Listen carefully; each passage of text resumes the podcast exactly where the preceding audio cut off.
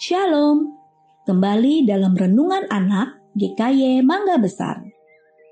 Allah yang melihat. Kejadian 16 ayat 5 sampai 16. Pada tanggal 7 Desember 1988, gempa bumi yang hebat meluluh lantakan wilayah bagian barat Laut Armenia. Setelah gempa berhenti, ada seorang ayah segera bergegas ke sekolah anaknya untuk menyelamatkan anaknya yang kemungkinan sudah meninggal tertimbun rata dengan tanah. Berjam-jam ayah itu mengais-ngais puing gedung sekolah yang roboh, di mana dia percaya itu adalah kelas putranya. Dan ia yakin anaknya itu masih hidup. Beberapa orang di sana menyuruh dia pulang saja karena anaknya pasti sudah meninggal.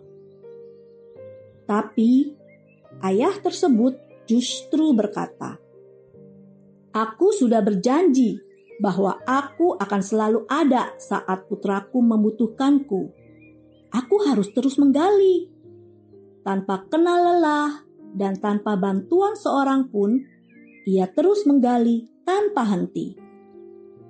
Saat dia mengangkat sebongkah reruntuhan, ia mendengar suara anaknya.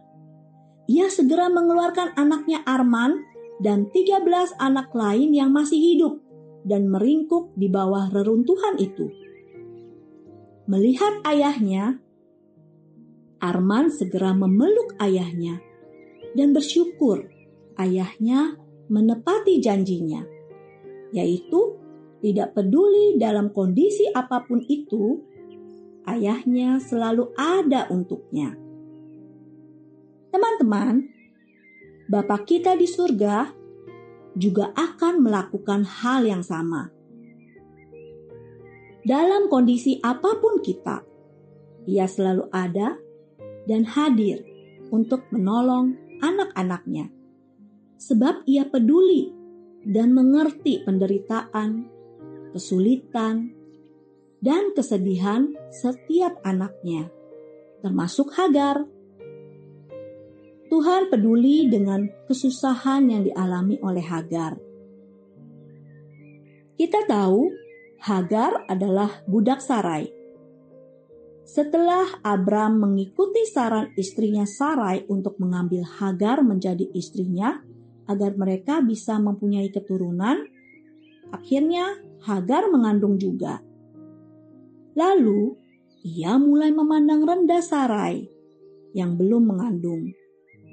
Sarai yang diperlakukan seperti itu akhirnya marah dan mengadu kepada Abram, meminta Abram mengembalikan Hagar sebagai budak lagi. Abram menuruti permintaan istrinya. Abram memberi Sarai kebebasan untuk berbuat sesukanya. Sarai terus menindas dan menghina Hagar. Akibat penghinaan yang terus-menerus, Hagar tidak tahan dan melarikan diri dari Abram dan Sarai. Tuhan yang peduli dengan Hagar mengutus seorang malaikat menguatkan Hagar yang saat itu berada di padang gurun. Malaikat Tuhan itu berkata bahwa anak yang dikandung oleh Hagar adalah seorang anak laki-laki dan akan menamainya Ismail. Sebab Tuhan mendengar penindasan yang dialami olehnya. Ismail nanti akan tumbuh menjadi seorang anak yang kuat dan tidak mudah ditindas oleh orang lain. Mendengar penguatan dari malaikat Tuhan, Hagar akhirnya mendengarkan perintah dari malaikat Tuhan untuk pulang ke rumah Abram. Meskipun ia tahu bahwa ia akan ditindas lagi oleh Sarai, tapi ia tidak takut lagi. Karena ia tahu Tuhan memerhatikannya, dan Tuhan peduli dengan dirinya.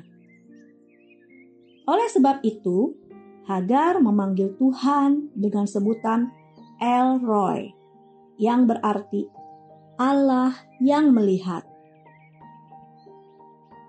Teman-teman, Allah yang kita kenal dan percayai adalah Allah yang melihat. Ketika kalian kesepian, dalam kesulitan, terluka karena perkataan atau perbuatan orang lain, dan merasa bahwa tidak ada satu orang pun yang peduli dengan kalian. Jangan takut dan sedih, teman-teman, karena Ia adalah Allah yang memerhatikan kehidupan kita. Ia mengerti dan peduli dengan apa yang kita rasakan. Oleh karena itu, datanglah kepadanya. Sebab Tuhan yang akan menjadi sahabat sejati yang selalu ada untuk menemani kita dalam kesepian, kesedihan, kesulitan. Kita bisa berdoa dan mencurahkan perasaan kita kepada Tuhan.